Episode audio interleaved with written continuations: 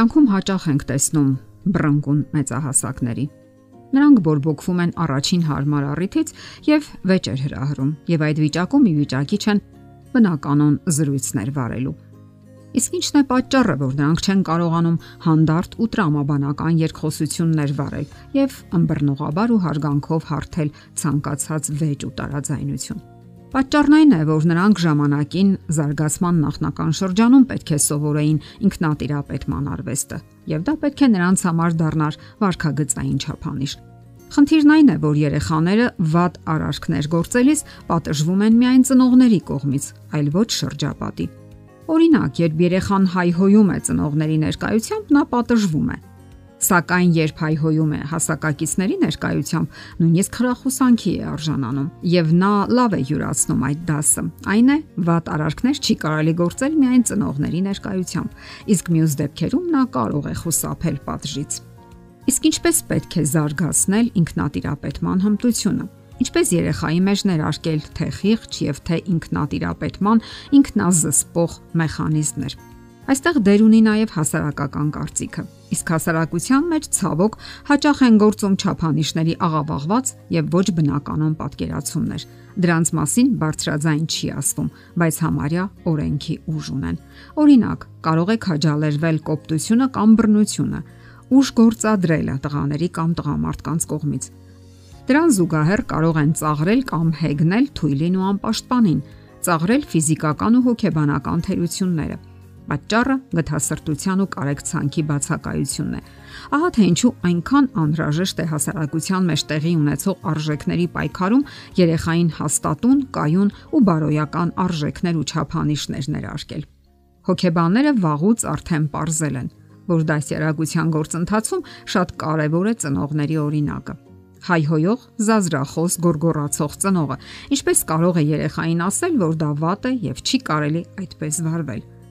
քննադատող, բամբասող, խեղաթյուրող սերիալների շուրջը ժամեր անցկացնող ծնողը երբեք չի կարող ասել, որ դրանք վատ բաներ են։ Որ ծնողը կասի, որ պետք չէ հետևել իրեն։ Նույնը վերաբերում է ծխելուն, խմելուն եւ այլ արատավոր սովորությունների։ Երեխաները նման են սպունգի։ Նրանք շատ արագ իրենց մեջ են ներծծում այն ամենը, ինչի մասին խոսում են ծնողները կամ անում իրենց ներկայությամբ Երեխաները շատ հարցերում պարզապես հետևում են ծնողներին։ Հատկապես փոքր տարիքում նրանք ընդունում են ծնողների հեղինակությունը եւ քննարկման առարկա անգամ չեն դարձնում նրանց արարքները։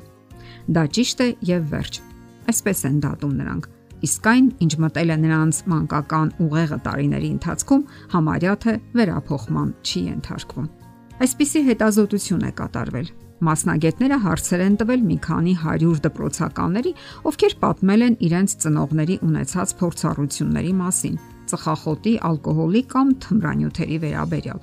Այն ծնողները, ովքեր երեխային պատմել են, որ իրենք ինչ որ մի ժամանակ փորձել են ծխել, խմել եւ թմրանյութ օգտագործել, նրանց երեխաները դրական են վերաբերվել այդ արատավոր երևույթներին։ Այդ պատճառով էլ գիտնականները խորհուրդ են տալիս, որ ծնողները գոնե լռեն իրենց անցյալի մասին, երբ այն բացասական տարեր է պարունակում։ Ընդ որում խորհուրդ է տրվում լռել նույնիսկ այն դեպքերում, երբ փորձերը կապված բաց սովորությունների հետ վատ ավարտ են ունեցել։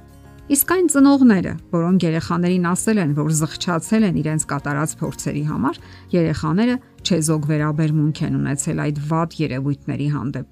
եւ հատկանշական է, երբ ծնողները երբեք չեն խոսել անznական փորձի մասին եւ չեն ընդգծել այդ ված սովորությունների բացասական ազդեցությունը, երեխան բնականաբար բացասաբար է վերաբերվել դրանց։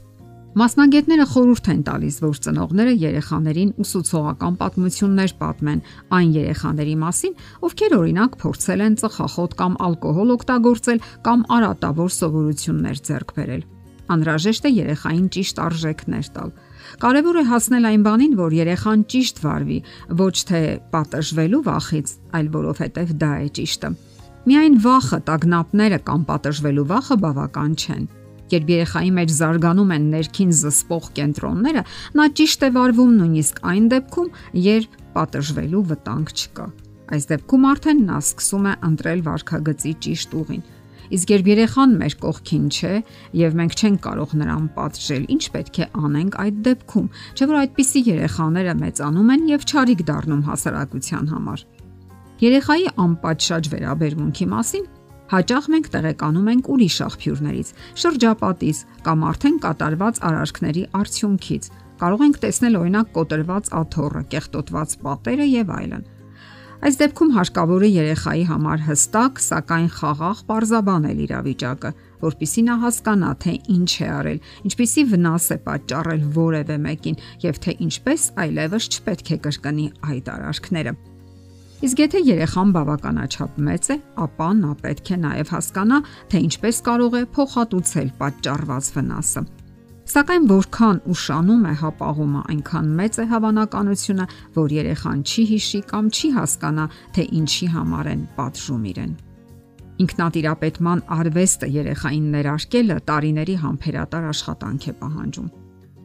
Այն բնավորության դժվար, սակայն կարևոր ոլորտներից մեկն է որովհետև ինքնատիրապետումը թույլ է տալիս երեխային նախ մտածել, հետո միայն գործել Նրա արժև կարող է լինել խելամիտ եւ սխալ որոշումների լայն ընտրություն, եւ նա պետք է կարողանա ճիշտ ընտրություն կատարել։ Եվ այդ դեպքում արդեն նրան օգնում են եւ առաջնորդում իրեն ներարկված առողջ սկզբունքները։